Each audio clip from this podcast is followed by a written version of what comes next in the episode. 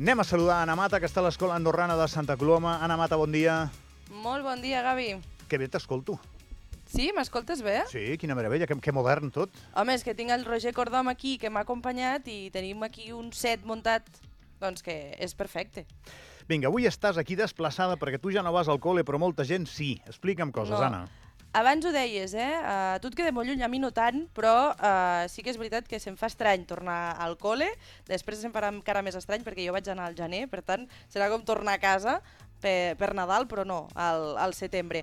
Parlarem avui amb el secretari d'Estat d'Educació i Universitats, que ja el tinc aquí a, al meu costat, el senyor Josep Anton Bardina. Molt bon dia. Hola, molt bon dia. I amb el senyor Bardina parlarem del número d'alumnes escolaritzats, que ja ens han avançat. Eh? L'any passat parlàvem d'uns 11.000, 11.200 alumnes, aquest any esperem que siguin més d'11.300. I tot això hem de tenir en compte els diversos eh, sistemes educatius. Parlem també del francès, l'espanyol i l'andorrà, que és on ens trobem avui. Senyor Bardina, què és el que esperem per aquest any? Doncs esperem un curs, un, un bon curs, diríem, eh? igual que el nom del vostre programa, doncs que el curs eh, s'executi de la manera que preveiem i, per tant, doncs, novetats per algun costat, eh, continuïtat per un altre. Comencem un curs, efectivament, com bé has dit, eh, amb més de 11.300 alumnes. Eh, aquesta distribució de l'alumnat en els sistemes educatius presents al, al país manté una tendència que segueix la dels últims anys. Podríem estar parlant a grans xifres d'un 40% d'alumnes doncs, eh, que aniran a l'Andorrana, un 30% d'alumnes al sistema educatiu espanyol, un 35% d'alumnes al sistema educatiu francès i un 2% d'alumnes amb el sistema britànic, que com sabeu tenim l'escola British, que, doncs, que també té la seva quota de- d'alumnes i que per tant també la tenim present amb aquestes. I a partir d'aquí doncs, encarar els reptes que se'ns presentaran al llarg del curs escolar.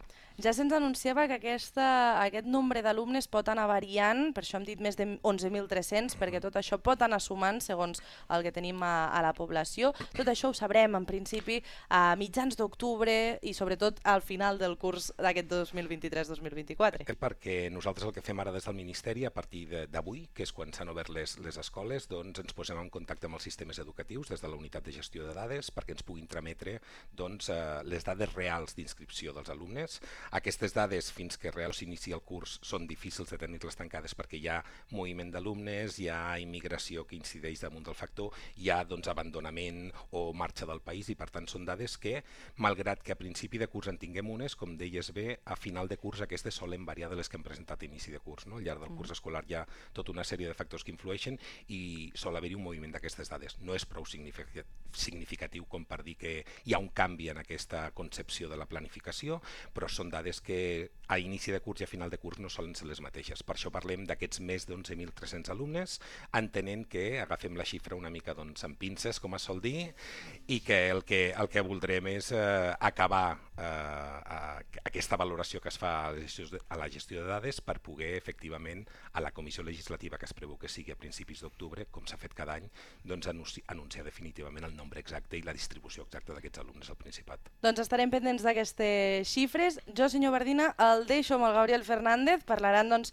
eh, de diferents temàtiques, sobretot el tema aquest dels sistemes educatius i a banda els temes capdals que s'han de tocar aquest 2023-2024. Gavi, tot teu. Bon dia, secretari. Bon dia, Gavi. Aprofito, si em permets, també per eh, felicitar-te la teva inauguració amb aquesta nova etapa laboral i desitjar-te tots els encerts del món. Moltes gràcies, home. Avui estem d'estrena els dos. Sí, sí. Eh, Vostè, vostè també. A mi quan comença un curs escolar sempre eh, se'm generen preguntes que són similars, no? però clar, els temps van canviant i, i també les associes a bé, al que cada moment eh, porta.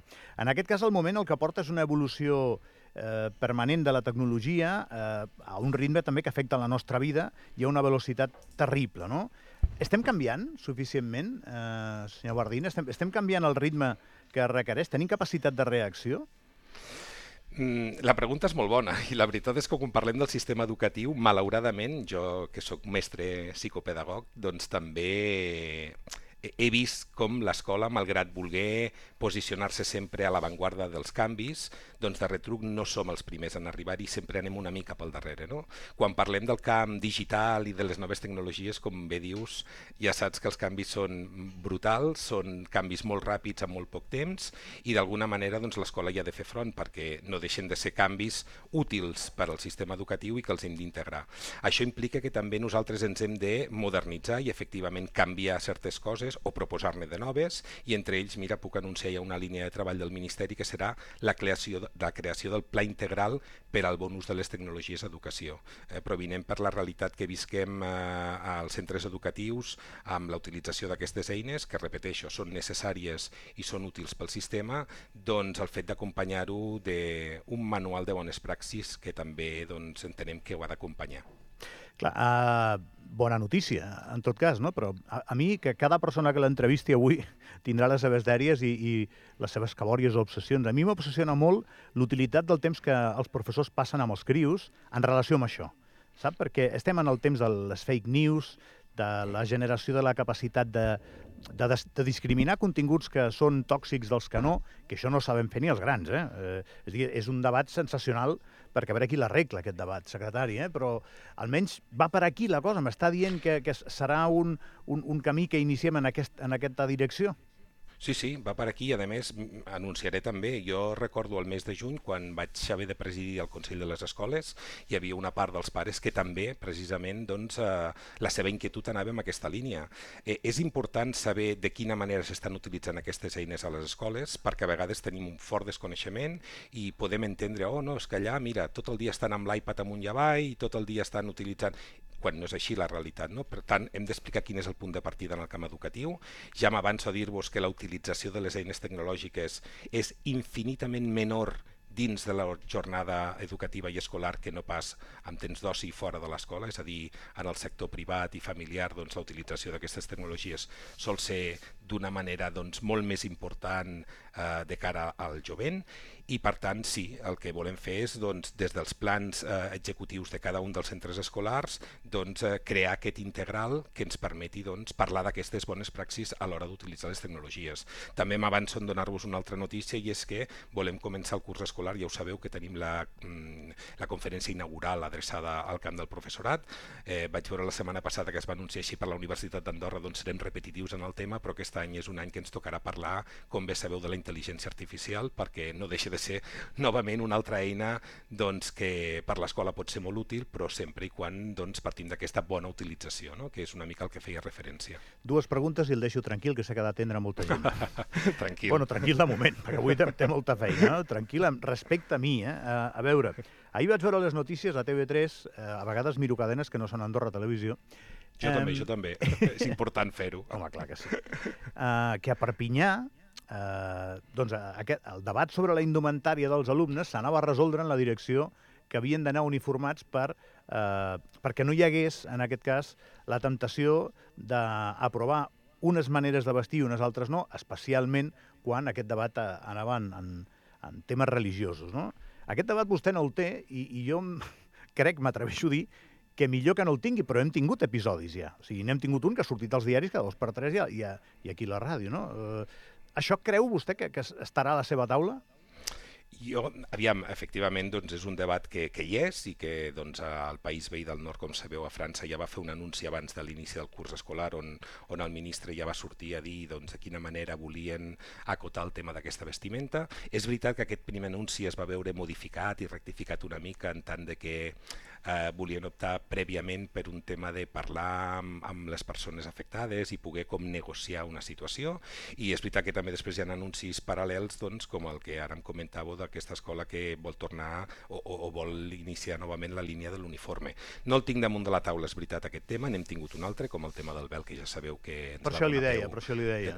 Ens va donar peu doncs, a fer la feina que es va fer a l'anterior legislatura amb la modificació de la llei d'educació i la modificació del sistema educatiu andorrà, amb la creació d'aquesta signatura assignatura paral·lela al, a la religió catòlica, que ja avanço que també eh, s'instaure des d'avui, que comença a executar-se des d'avui a tots els centres educatius de primària de l'escola andorrana i que per tant, eh, arribat el moment, si cal fer i continuar el debat, doncs el farem. De moment ho tenim, per dir-ho així, resolt doncs, amb les modificacions que es van fer anteriorment a la legislació, així com amb els reglaments interns dels centres educatius. Acaba de marxar el cap de govern, senyor Guardina, i una de les preguntes que li ha fet un oient és aquesta. Jo li he plantejat, eh, però li faig també a vostè perquè entra plenament a les seves competències.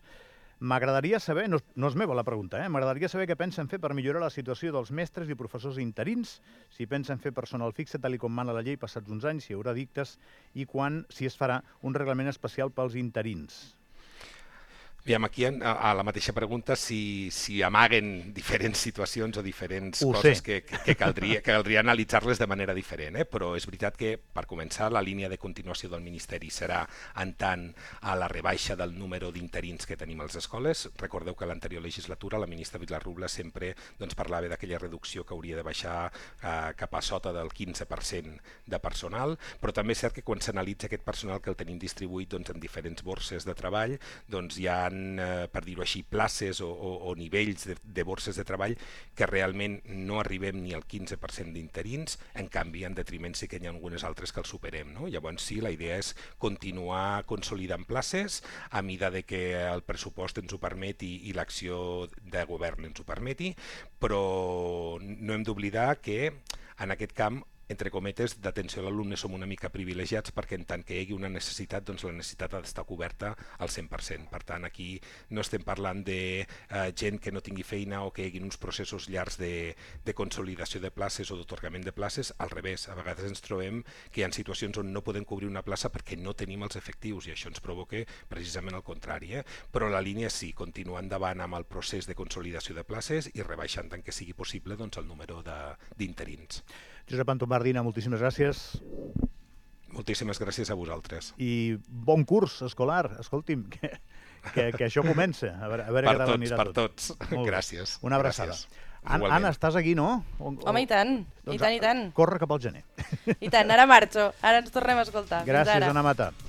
Dic, corre cap al gener a la meva companya Anna Mata, doncs, que està de- d'enviada especial a l'Escola Andorrana de Santa Coloma, perquè avui comença el curs. I ara al gener el que farem serà entrevistar persones que fa molts anys que han tingut moltes vegades un dia com avui.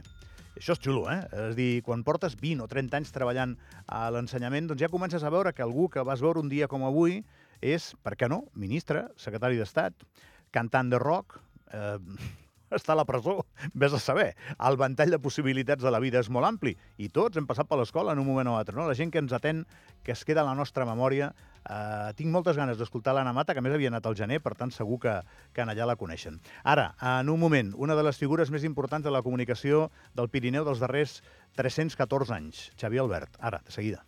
Avui serà un bon dia, amb Gabriel Fernández.